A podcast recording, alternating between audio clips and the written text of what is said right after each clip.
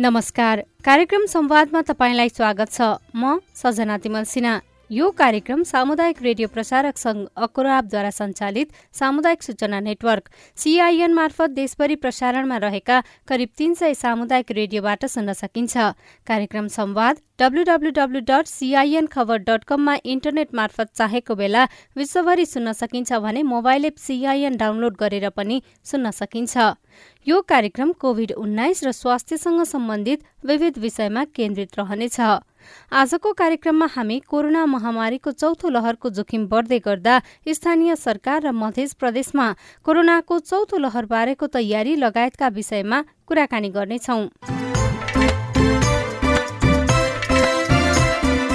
नेपालमा पछिल्लो समय कोरोनाका कारण दैनिक संक्रमित थपिनेको संख्या बढेसँगै यो चौथो लहरको संकेत हो भनेर कतिपय विज्ञले भनिरहँदा सरकारले भने औपचारिक रूपमा चौथो लहर शुरू भएको घोषणा गरिसकेको छैन तर यसले जोखिम भने बढाएको छ। कारण साउन लागेदेखि नेपालमा कोरोनाका कारण दैनिक तीनदेखि पाँचजनाको मृत्यु हुन थालेको छ भने एक हजारका दरले नयाँ संक्रमित पनि थपिन थालेका छन्। यो अवस्थामा मध्य प्रदेश सरकारले कोरोनाको चौथो लहरको जोखिमलाई ध्यानमा राखेर कस्तो सावधानी अपनाएको छ? कोरोना विरूद्धको खोप अभियान कसरी सञ्चालन भइरहेको छ लगायतका विषयमा हामीले मध्य प्रदेशको स्वास्थ्य निर्देशनालयका प्रमुख विजय झासँग कुराकानी गरेका छौं। पछिल्लो समय मध्य प्रदेशमा स्वास्थ्यमा विशेष गरी कोरोना संक्रमणको अवस्था के छ? कसरी तपाईँहरू यसलाई व्यवस्थित गरेर अघि बढ्दै हुनुहुन्छ? कोरोना संक्रमणको अवस्था अहिले चाहिँ नै कन्ट्रोल नै म भन्छु। किन भन्दाखेरि नि।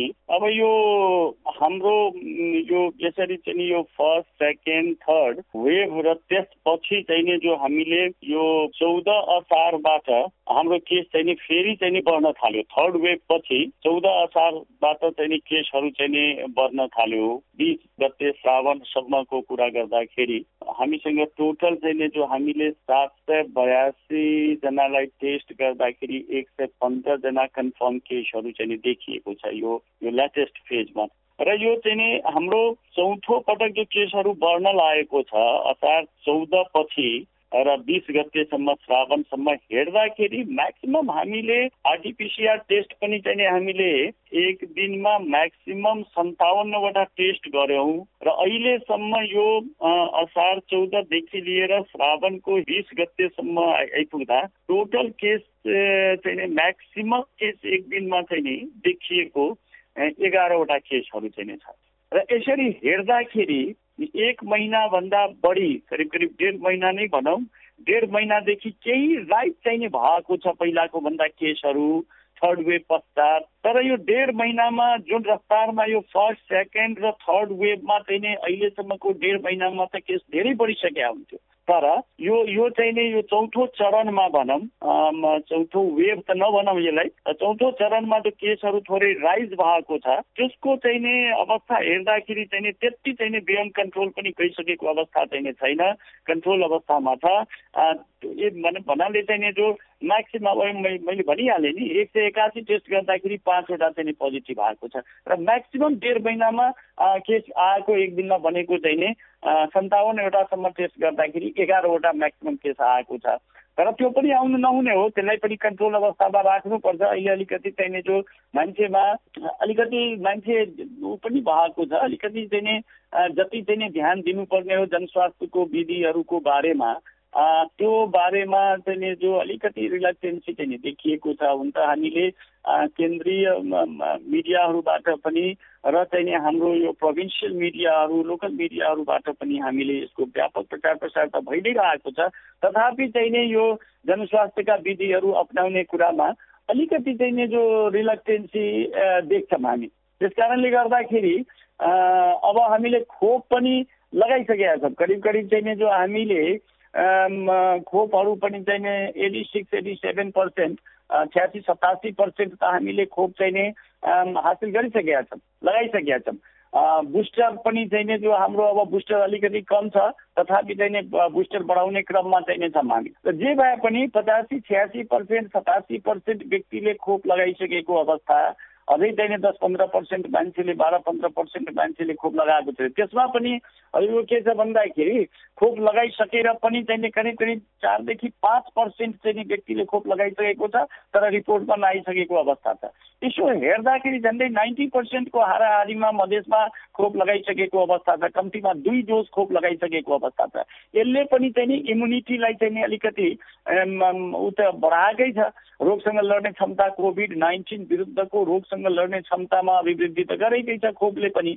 र चाहिँ इन्फेक्सनले पनि चाहिँ तपाईँको चाहिँ इम्युनिटी बढाइदिन्छ खोपले पनि चाहिँ बढाएको छ। बुस्टर पनि चाहिँ मान्छे लगाउँदैछन् त्यसको लागि पनि हामी प्रचार प्रसार गरिरहेको छ यसरी हेर्दाखेरि यो यो चौथो चरणमा जो केस केही बढे पनि त्यो रफ्तारमा जुन रफ्तारमा फर्स्ट सेकेन्ड र थर्ड वेभमा जो केसहरू बढेको थियो त्यो रफ्तारमा केस नबढेको अवस्था पनि हामीले एकदम क्लोजली वाच चाहिँ गरिरहेका छौँ।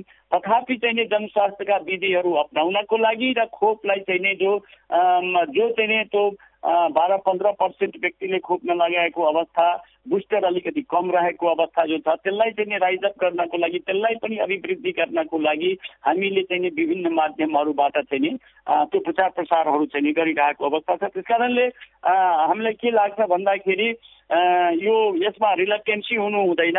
र हामी एकदम सतर्क चाहिँ हुनुपर्छ संवेदनशील हुनुपर्छ र यो मास्क लगाउने दूरी मेन्टेन गर्ने भिडभाड नगर्ने ह्यान्ड हाइजिनका कुराहरू डिसइन्फेक्सन गर्ने कुराहरू सुगर सफाइ गर्ने कुराहरूमा चाहिँ नै थोरै पनि चाहिने जो त्यसमा चाहिँ रिल्याक्सेसन चाहिँ हुनु भएन ढिलासिस्ती चाहिँ हुनु भएन हामी सबै सिन्सियर हुनुपर्छ। त्यस कारणले अब फेरि चाहिने जो अब भिडभाडहरू बढ्छ दसैँ तिहार आउँछ इलेक्सनहरू आउँछ त्यसमा भिडभाड बढ्ला त्यस कारणले अहिलेदेखि यदि हामीले चाहिँ त्यो सतर्कताहरू अप्नाएनौँ भने भोलिको दिन अप्ठ्यारो हुन सक्छ। त्यस कारणले कोभिड गइसकेको छैन त्यो हामीले जानकारी अनवरत रूपमा चाहिँ त्यो दिइरहेका छन्। यति कुरा मैले अहिलेलाई चाहिँ जानकारी गराएको छु समग्रमा खोप अवस्था के छ कस्तो छ भनेर जानकारी दिँदै गर्दाखेरि नब्बे प्रतिशतको हाराहारीमा कम्तीमा दुई मात्रा लगाइसकेको भनेर पनि जानकारी गराउनु भयो होइन? तर समग्रमा हामीले देशभरकै बुस्टर मात्रा हेर्ने हो भने पच्चिस प्रतिशतले मात्रै लगाएका छन् होइन? सरकारकै तथ्याङ्कलाई हेर्ने हो भने। मध्य प्रदेशमा बुस्टर मात्रा लगाउने अवस्था के छ? त्यसलाई थप बढी मान्छेहरूले लगाओस् बुस्टर मात्रा कोरोनाको जोखिम छँदैछ भनेर तपाईँहरूले जनचेतना फैलाउने र यो मात्रालाई बढाउनको लागि पछिल्लो समय छुट्टै कुनै रणनीति अप्नाउनु भएको छ? एकदमै एकदमै सही कुरा गर्नुभयो। यो यसमा के छ भन्दाखेरि नि अब हामी सबैले चाहिँ नि यो कोभिड उन्नाइस विरुद्धको जो जति पनि खोपहरू निस्केका छन् अहिलेसम्म विभिन्न भेराइटीका खोपहरू चाहिँ नि निस्केका छन् ती समग्र खोपहरूको अवस्था जो मैले अध्ययन गरेको छु हामी सबैले अध्ययन गरेका छौँ त्यो हेर्दाखेरि यो चाहिँ नि सिक्स टु नाइन मन्थसम्म छदेखि नौ महिनासम्म यसको चाहिँ नि प्रभावकारिता चाहिँ नि देखिन्छ। त्यस कारणले सरकारले डब्लुएचओले चाहिँ नि हामी सबैले जनसमुदायसँग आग्रह के गर्यौँ भन्दाखेरि दोस्रो मात्रा लगाइसकेको तिन महिनापछि सुरुमा छ महिना भन्यौँ त्यसपछि तिन महिना भन्यौँ र चाहिँ यसरी बुझ्नु के पर्यो समस्त जनसमुदायले भन्दाखेरि यो धेरै लामो समय चाहिँ त यो खोपले प्रभावकारी चाहिँ काम गर्दैन। यसलाई बिचबिचमा हामीले चाहिँ नि बुस्टअप गरिराख्नुपर्छ। बुस्टर भनेकै चाहिँ नि त्यो रोगसँग लड्ने जो क्षमता हो हाम्रो इम्युनिटी हो त्यसलाई चाहिँ नि बुस्टअप गरिराख्नुपर्छ। त्यो बुस्टअप गर्नलाई चाहिँ नि बुस्टर डोज लगाउने हो। हरेक तिनदेखि छ महिनामा चाहिँ नि बुस्टर दुई डोज लगाइसकेको हरेक व्यक्तिले थ्री टु सिक्स मन्थमा तिनदेखि छ महिनामा हरेक पटक चाहिँ नि बुस्टर डोज चाहिँ नि खोप लगाइराख्नुपर्छ। यसले चाहिँ नि हाम्रो इम्युनिटीलाई इन्ट्याक्ट राख्छ। हाम्रो मेन इम्युनिटीलाई चाहिँ मेन्टेन गरेर राख्छ। र यसले चाहिँ नि कोभिड नाइन्टिन विरुद्धमा हामीलाई बचाउँछ समुदाय परिवारलाई चाहिँ बचाउँछ। त्यस कारणले यो किसिमको अब हाम्रोमा पनि चाहिँ पन्ध्र पर्सेन्ट सोह्र पर्सेन्टभन्दा माथि जान सकेको छैन बुस्टरहरू। बुस्टर कम लगाएका छन्। मैले भनिहालेँ यहाँ चाहिँ हामीले चाहिँ नि प्रयास हाम्रो कुनै कमी छैन। हेर्नुहोस् प्रयास हामीले चाहिँ नि मिडिया मार्फत ग्राउन्डमा चाहिँ नि हाम्रा स्वास्थ्य कर्मीहरू स्वयंसेविकाज्यूहरू हुनुहुन्छ। हाम्रो हरेक ट्रेनिङ गोष्ठी होइन हरेक अवसरहरूमा हामीले चाहिँ नि जहाँ पनि भनिरहेका छौँ। हामीले बोल्ने विषय नै अहिलेको यही हो। कि कोभिड नाइन्टिन विरुद्ध बच्नको लागि खोप लगाऊ बुस्टर लगाऊ र चाहिँ नि जनस्वास्थ्यका विधिहरू अप्रोप्रिएट तरिकाले चाहिँ नि प्रयोग गरौँ। यो तिनवटा विधिहरू हामीले अप्नाउन सक्यौँ भने राम्रो हुन्छ। हामी चाहिँ नि त्यो समुदायलाई चाहिँ कोभिड नाइन्टिनबाट बचाउनु। यसका बावजुद पनि चाहिँ जो जति मात्रामा चाहिँ नि बुस्टर लाग्नुपर्ने हो त्यति लागेको छैन। खोपको कमी छैन खोपको चाहिँ कमी छैन। सेवा दिने व्यक्तिको पनि कमी छैन। साधनको पनि कमी छैन। तथापि चाहिँ नि मान्छेमा एक किसिमको रिलक्टेन्सी चाहिँ नि छ। त्यस कारणले चाहिँ नि अब म चाहिँ नि स्वास्थ्य कर्मी साथीहरूसँग नै चाहिँ नि अनुरोध के गर्न चाहन्छु भन्दाखेरि हाम्रो घर घरमा गएर स्वयंसेविकाज्यूहरू हुनुहुन्छ आमा समूहका सदस्यज्यूहरू हुनुहुन्छ हामी जनप्रतिनिधिज्यूहरू हुनुहुन्छ होइन सोसियल वर्करहरू छन् मिडियाका साथीहरू छन् सबैसँग आग्रह हाम्रा पार्टनर अर्गनाइजेसन चाहिँ चाहिँ युनिसेफ डब्लुएचओ युएनएफपिए लगायत सेयर नेपाल लगायतका थुप्रै चाहिँ नि त्यो स्वास्थ्यमा काम गर्ने हाम्रा साझेदार संस्थाका साथीहरू हुनुहुन्छ। म सबैलाई चाहिँ आग्रह गर्दै आएको छ। हामी पटक पटक मिटिङ बसेका छौँ। हामीले चाहिँ प्रदेश स्तरको खोप समन्वय समितिको बैठकहरू पनि बसेर चाहिँ यसबारेमा विभिन्न निर्णय गरेर पत्राचार गरेर विभिन्न मिडियाहरूमा पनि गएर हिजो हिजो अस्ति मात्रै पनि चाहिँ यहाँको लोकल टेलिभिजन जानकी टेलिभिजनमा गएर मैले आफैले त्यति राम्रो भनौँ न लामो चाहिँ अन्तर्वार्ताहरू चाहिँ दिएको थिएँ। त्यस कारणले गर्दाखेरि म फेरि पनि यहाँको सम्मानित चाहिँ मिडियाको मार्फत चाहिँ म आग्रह गर्न चाहन्छु समस्त जनसमुदायलाई कि यसमा थोरै पनि रिलक्टेन्सी चाहिँ नगरौँ।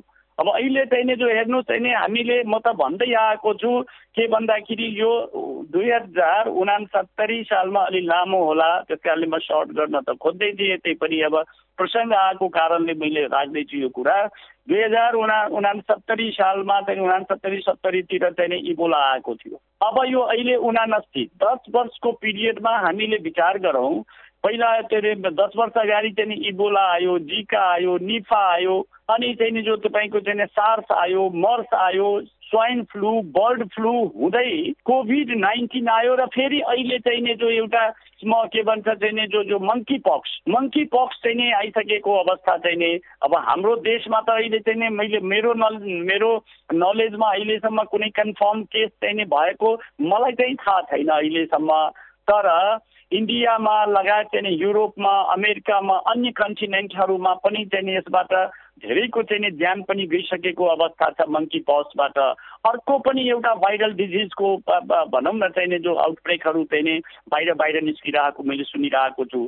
त्यस कारणले यो दस वर्षमा पछिल्लो दस वर्षमा दस एघार थरीको चाहिँ नि पेन्डेमिक इपिडेमिकहरू आउटब्रेकहरू भइरहेको अवस्था छ। यसले के सङ्केत गर्दछ भन्दाखेरि यदि हामीले हाम्रो हेल्थ सिस्टमलाई चाहिँ नि स्ट्रेन्थेन गर्न सकेनौँ भने हाम्रो हामीले चाहिँ नि हाम्रो चाहिँ नि हेल्थ सिस्टमलाई रेजिलियन्ट एकदम डह्रो चाहिँ नि यदि बनाउन सकेनौँ भने डिगो चाहिँ नि बनाउन सकेनौँ भने आउँदा दिनहरू चाहिँ नि झन् जटिल हुन सक्छ। किन किन भन्दाखेरि चाहिँ नि यो भाइरसहरूको बिगबिगी बढेको छ। क्लाइमेट चेन्जहरू भइरहेको छ ग्लोबल वार्मिङहरू भइरहेको छ। यो प्रकृति चाहिँ नि त्यो अलिकति चाहिँ नि जो हाम्रो इको सिस्टमहरू चाहिँ नि अब कस्तो छ यो यहाँहरूलाई पनि थाहा भएको विषय हो। त्यस कारणले मेरो आग्रह के हो जनसमुदायसँग भने र समाज स्वास्थ्य कर्मीहरूसँग यस सेक्टरमा प्रत्यक्ष र परोक्ष रूपमा काम गर्नेहरूसँग के भन्दाखेरि आउँदा दिनहरू पनि चुनौतीपूर्ण भएको कारणले गर्दाखेरि पनि चाहिँ नि यो मास्क लगाउने सरसफाइ गर्ने यो ह्यान्ड हाइजिन लगायत चाहिँ सुगन्ध सफाइको कुराहरू भ्याक्सिनेसन लगाउने यी सबै चाहिँ जो चाहिँ स्वस्थकर बानी बेहोराको विकास गर्न एकदमै जरुरी छ। यदि त्यो गरिएन भने हाम्रो स्वास्थ्य खतरामा पर्न सक्छ। त्यस कारणले गर्दाखेरि बुस्टर कम लागेको छ। करिब पन्ध्र सोह्र पर्सेन्ट मात्रै लागेको छ। यसलाई चाहिँ एक्सलरेट गर्न जरुरी छ र त्यसको लागि हामी चाहिँ नि पार्टनर लगायत चाहिँ हाम्रो गभर्मेन्ट नन गभर्मेन्ट र पार्टनर अर्गनाइजेसनहरू मिडियाहरू समस्तलाई चाहिँ हामीले आग्रह गर्दै आएका छन्। फेरि पनि म आग्रह गर्न चाहन्छु। मङ्की पक्सको कुरा पनि उठाइहाल्नु भएछ होइन? कोरोना जस्तै अब मङ्की पक्सको पनि उच्च जोखिममा छ नेपाल भनेर सरकार र विश्व स्वास्थ्य सङ्गठनले भनेको छ होइन? मङ्की पक्सको जोखिमलाई ध्यानमा राखेर प्रदेश सरकारले अहिले कस्तो तयारी गरेको छ? अब चाहिँ के छ भन्दाखेरि हामी विभिन्न चाहिँ नि छलफलहरूमा छौँ। हामीहरू चाहिँ दुई पटक हामीले विभागको चाहिँ हाम्रो स्वास्थ्य सेवा विभागका आदरणीय महानिर्देशकज्यू डाक्टर दिपेन्द्र रमन सिंहज्यू लगायत सातवटै प्रदेशका हामी निर्देशकहरू र समस्त नै पार्टनरहरू बसेर हामीले दुई पटक यस विषयमा भर्चुअल मिटिङ पनि गरिसक्यौँ। हाम्रो तयारीहरू चाहिँ त्यो भइरहेको अवस्था छ। प्रदेशमा पनि चाहिँ नि एकजना हामीले यो यो यो मङ्की पक्स भनेको पनि अब थाहा भइहाल्यो। यो चाहिँ नि भने मङ्कीबाट आएको यो पनि चाहिँ नि भाइरल डिजिज नै हो। मैले अघि अघि पनि भनिसकेँ यो दस वर्षमा विभिन्न भाइरल डिजिजहरूको प्रकोपहरू चाहिँ नि यो नेसनल इन्टरनेसनल लेभलमै चाहिँ नि ग्लोबली नै चाहिँ नि आइरहेको अवस्था छ। त्यस कारणले गर्दाखेरि यो पनि भाइरल डिजिज हो र यसले पनि छालामा के अरे यसमा यसमा पनि चाहिँ फिभर आउनेदेखि लिएर छालामा चाहिँ डाबरहरू आउने फोकाहरू आउने पानी भरिने पिप पिपहरू फोकाहरू चाहिँ आउने यस्ता किसिमका हुन्छन्। एकदमै चाहिँ दुख्ने ज्वरो आउनेदेखि लिएर यस्ता विभिन्न चाहिँ त्यो बडा पेनफुल कन्डिसन हुन्छ। र चाहिँ जो हुन्छ यो चाहिँ त्यति खतरनाक कुन सेन्समा छैन भने धेरै मृत्यु चाहिँ गराइहाल्दैन। तर पनि चाहिँ हामीले सतर्क हुने बेला छ। अब इन्डिया लगायत विभिन्न देशहरूमा चाहिँ नि मृत्यु दरहरू चाहिँ नि केही मृत्यु भएको पनि चाहिँ नि तथ्याङ्कहरू आएको छ। हाम्रो देशमा संयोगवश अहिलेसम्म चाहिँ नि छैन नहोस् पनि तर त्यसको लागि सतर्कता अप्नाउन जरुरी छ र हामी चाहिँ नि केन्द्रको सम्पर्कमा छौँ मन्त्रालय र विभागको केन्द्रीय विभाग र मन्त्रालयको सम्पर्कमा छौँ र हाम्रो चाहिँ नि यो मधेस स्वास्थ्य विज्ञान प्रतिष्ठान छ हामीसँग त्यहाँ हामीले चाहिँ हन्ड्रेड बेडको चाहिँ नि त्यो कोभिड नाइन्टिनको लागि चाहिँ नि चाहिँ हस्पिटल छ त्यहाँ चाहिँ कोभिड विशेष अस्पताल छ। त्यहाँ आइसोलेसन वार्डहरू छन् हामीसँग। हाम्रो टिम छ अलरेडी छ। त्यस कारणले र हाम्रो चाहिँ नि तिनवटा नाकाहरू छन्। अहिलेलाई चाहिँ नि अब वीरगञ्ज नाका के भन्छ चाहिँ गौर नाका र बिठाबोर नाका। यो त्यो नाकाहरूलाई हामीले चाहिँ जो सञ्चालन गर्दै आएका छौँ। कोभिडको चाहिँ टेस्टहरू पनि भइरहेको छ र हामीले निर्देशन दिएका छौँ कि त्यताबाट इन्डियाका साइडबाट आउने चाहिँ व्यक्तिहरूको चाहिँ नाम नामेसी राख्नु पर्यो एड्रेस राख्नु पर्यो र चाहिँ कुनै लक्षण चिन्ह छ भने त्यो पनि नोट गर्नु पर्यो। यदि चाहिँ कुनै किसिमको चाहिँ नि शङ्कास्पद ज्वरो आएको अथवा चाहिँ त्यस्तो शङ्कास्पद रोग देखा पर्छ भने त्यसलाई आइसोलेट गर्ने क्वारेन्टाइन गर्ने रेफर गर्ने वाच गर्ने सम्पर्क नम्बरहरू राख्ने यदि समस्या भयो भने त्यो चाहिँ कहाँ कसलाई सम्पर्क गर्ने त्यो कुराहरू पनि जानकारी गराउने। यो सबै कुराहरू गर्नुको साथसाथै हामीले हस्पिटलहरूसँग पनि समन्वय गर्दैछौँ।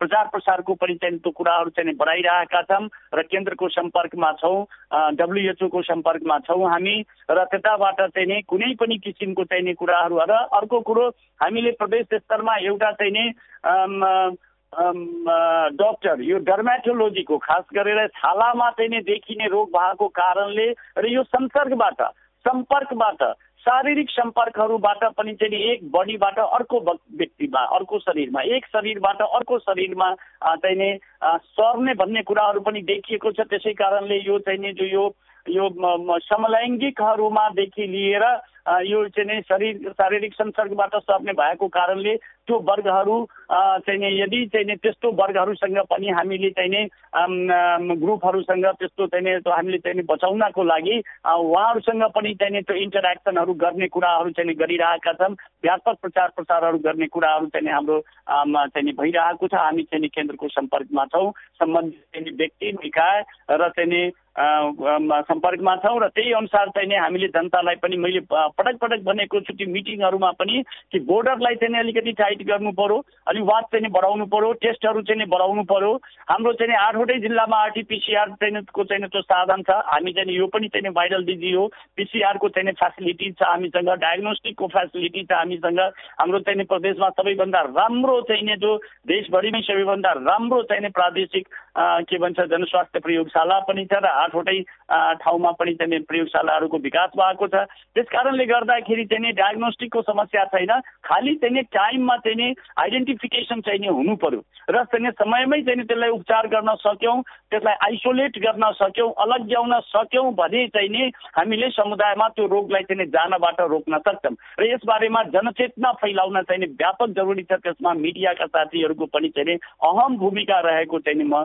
जानकारी गराउन चाहन्छु। त्यस कारणले यसमा के स्वास्थ्यकर्मी जनप्रतिनिधि मिडिया स्वास्थ्यकर्मी स्वयंसेविका सबैको चाहिँ साझा चाहिँ सहयोगबाट हामीले समुदायलाई यो नयाँ रोगबाट पनि चाहिँ हामी बचाउन सक्छौँ र अन्य आउने रोगहरू जो जसरी मैले भने अन्य रोगहरूबाट बचाउनको लागि पनि हामीले रणनीति चाहिँ नै यही बनाउनु पर्छ हाम्रो कोअर्डिनेसन समन्वय सम्पर्क साझेदारी संसार यी यी कुराहरू चाहिँ हाम्रो स्ट्रेन्थ हुन् र यो कुरामा हामीले चाहिँ त्यो हामीले एक किसिमको चाहिँ नि हेल्थ फ्रेटर्निटी भनौँ न यो चाहिँ नि जो यो स्वास्थ्यमा एउटा एकता यदि चाहिँ हामीले कायम गर्न सकौँ भने र चाहिँ नि यो इन्फर्मेसन फ्लोको सिस्टमलाई हामीले ट्र्याक दिन सक्यौँ भने चाहिँ नि क्विक रेस्पोन्स गर्ने चाहिँ नि तयारीहरू पूर्व तयारीहरू चाहिँ हामीले गर्न सक्यौँ भने मलाई लाग्छ चाहिँ नि हामीले कोभिड नाइन्टिन लगायत चाहिँ नि मन्थी पक्स र अन्य अन्य चाहिने कुराहरू पनि चाहिँ हामी त्यसबारेमा चाहिँ गर्न सक्छौँ। यो मङ्की पक्सको भ्याक्सिनहरू पनि चाहिँ विदेशहरूमा लागिरहेको अवस्था छ। मलाई लाग्छ चाहिँ नेपाल सरकारले चाहिँ कोभिड नाइन्टिनको भ्याक्सिनेसन पनि त्यो राम्रो गरिरहेको छ। र चाहिँ त्यसको लागि पनि डेफिनेटली चाहिँ नेपाल सरकारले चाहिँ यो मङ्की पक्सको भ्याक्सिनेसन र अन्य कुराहरूको लागि पनि तयारी गर्दैछ।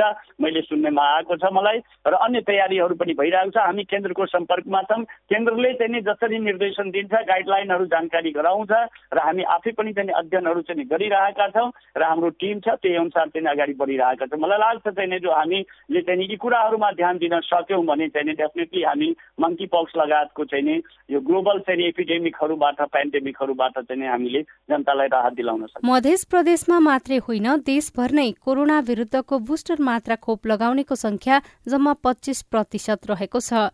कोरोना विरुद्धको खोप लगाएका भन्दा नलगाएकामा जोखिम बढ़िरहेकाले सरकारले बारम्बार अनिवार्य खोप लगाउन आग्रह गर्दै आएको छ।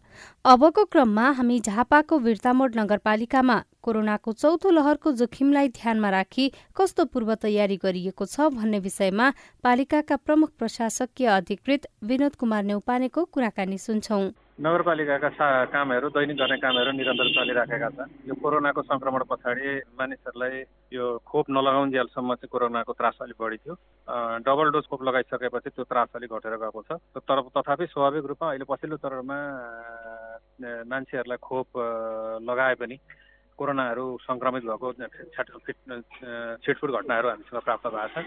ती घटनाहरूलाई मध्यनजर गरेर नगरपालिकाले त्यस्ता मान्छेहरूको ट्र्याकिङ गर्ने र तिनीहरूलाई सहज रूपमा कसरी व्यवस्थापन गर्न सकिन्छ? सकिन्छ भने परिवारसँग अलिक अलग राख्नलाई सुझाउने जस्ता कामहरू हामी गरिराखेका छौँ अहिले। कोरोना संक्रमण त्यस्तै डेङ्गी र मङ्कीपक्स भाइरसको पनि जोखिममा छ होइन? कोरोनाको त अझ चौथो लहरको नै सुरु पो हो कि भनेर एक किसिमको बहस पनि भइराखेको छ। यतातिर ध्यान दिएर तपाईँहरूले जनस्वास्थ्यका मापदण्ड पालनादेखि लिएर बाह्य नाकाहरूबाट आउने व्यक्तिहरूलाई कडाइ गर्ने कामहरू स्वास्थ्य जाँचका कामहरू कसरी गरिरहनु भएको भएको छ स्वाभाविक रूपमा बिर्तापट नगरपालिकामा बाह्य नाकाको क्षेत्र हामीसँग पर्दैन। बाह्य नाका हामीले त्यसलाई सिल गर्न सक्ने हाम्रो परिस्थिति छैन। हामीलाई पूर्वपट्टि मेचीनगर छ दक्षिणपट्टि भद्रपुर नगरपालिका छ। भद्रपुर नगरपालिका र मेची नगरपालिकाका नाकाहरू विदेशसँग जोडिएका छन्। उहाँहरूले त्यसको बारेमा हेर्नुहुन्छ। यहाँले कुरो उठाए जसै गरी नै हामीले यो डेङ्गुको लागि यो असार र साउनमा गरेर हामीले लगभग सबै पालिकाभरि नै हामीले त्यो डेङ्गु विरुद्धको स्प्रे गर्ने कामहरू सम्पन्न गरेका छौँ। जसले गर्दाखेरि अहिले जनताहरूको सकारात्मक धारणाहरू प्राप्त भएको हामीले बुझेका छौँ। अहिले मङ्की पक्सको सम्बन्धमा बिर्तामोड नगरपालिकामा खासै त्यस्तो कुनै घटना देखिएको छैन। तथापि त्यस्ता घटना भएका मान्छेहरू यहाँ आउँछन् कि भन्ने चाहिँ चासो छ। वडामा रहेका सबै स्वास्थ्य केन्द्रहरूबाट तिनीहरूलाई ट्र्याकिङ गर्ने कामहरू सम्पन्न गरि गरिराखेका छ तर खासै खासै त्यसको त्यस्तो सिम्टम भएका मान्छेहरू देखेका चाहिँ छैन तपाईँले सुरुमै हामीले चाहिँ कोरोना विरुद्धको खोपको राम्रोसँग लगाउने प्रक्रियाहरू भइराखेको दोस्रो मात्रा पनि लगाउनेहरू राम्रै छन् भनेर भन्नुभयो होइन? त्यसबाहेक पनि जनस्वास्थ्यको मापदण्ड पालना गर्नुपर्ने कडाइका साथ पालना गर्नुपर्ने चाहिँ कतिको छ बिर्तामोड नगरपालिकामा स्वाभाविक रूपमा स्वाभाविक रूपमा यो डिस्टेन्स मेन्टेनको मेन्टेनको समस्या चाहिँ छ हामीसँग। मान्छेहरू अब भिड बजारहरू बन्द भएको छैनन् बजारहरू सञ्चालनमा छन् होटेल होटेल व्यवसायहरू सबै सञ्चालनमा छन् त्यसले गर्दा त्यो चाहिँ मेन्टेन छैन। तथापि पछिल्लो चरणमा अब कोरोनालाई दृष्टिगत गरेर हामीले सेनिटाइजहरू प्रयोग गर्ने प्रयोग गर्ने मास्क प्रयोग गर्ने कामलाई चाहिँ अलिक अलिक मान्छेलाई एवेरनेस गर्दै गएका छौँ। यो चाहिँ अलिक बढ्दो छ पछिल्लो चरणमा। त्यो बाहेक पालिकाभित्र रहेका जति पनि स्वास्थ्य संस्थाहरू छन् तिनीहरूसँग कसरी समन्वय गरेर तपाईँहरूले आगामी दिनमा यदि स्वास्थ्यसँग सम्बन्धित कुनै पनि जोखिम आयो भने त्यस विरुद्ध लड्दै जाने भनेर काम गरिरहनु भएको छ? यसो छ।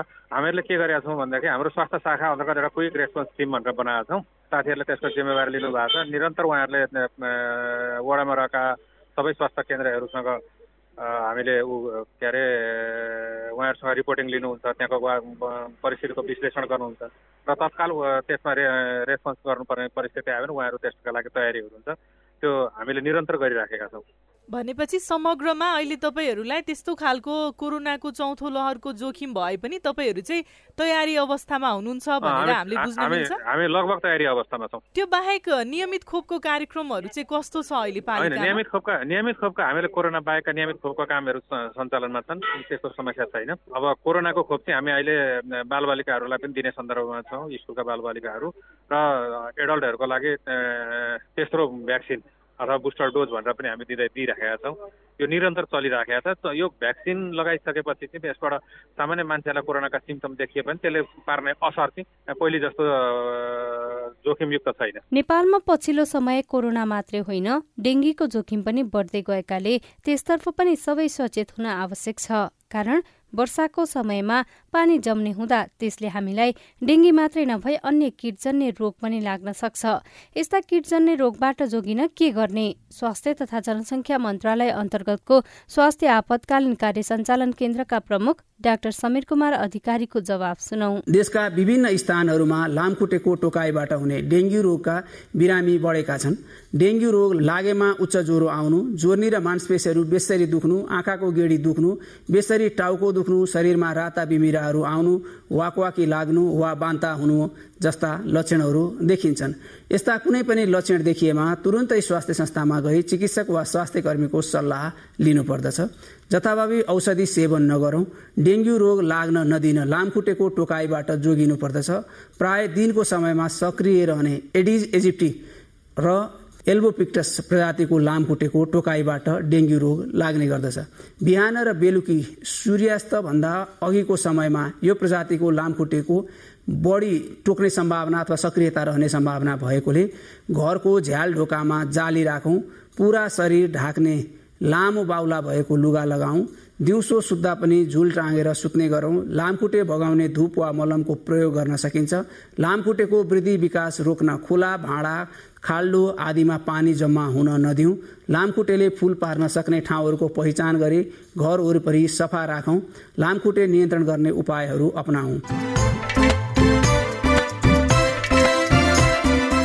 जानकारीसँगै आजको लागि कार्यक्रम संवादको समय सकिने लाग्यो। आजको विषयवस्तु तपाईँलाई कस्तो लाग्यो? तपाईँ हामीलाई हाम्रो टेलिफोन नम्बर शून्य एक बान्न साठी छ चार छमा फोन गरेर आफ्नो कुरा भन्न सक्नुहुनेछ। साथै तपाईँले हामीलाई हाम्रो Facebook page at the rate CIN खबरमा गएर पनि आफ्ना कुरा लेख्न सक्नुहुनेछ। सिआइएनले तयार पारेको कार्यक्रम संवादबाट प्राविधिक साथी सुनिल राज भारतसँगै म सजना तिमल सिना विदा हुन्छु। नमस्कार।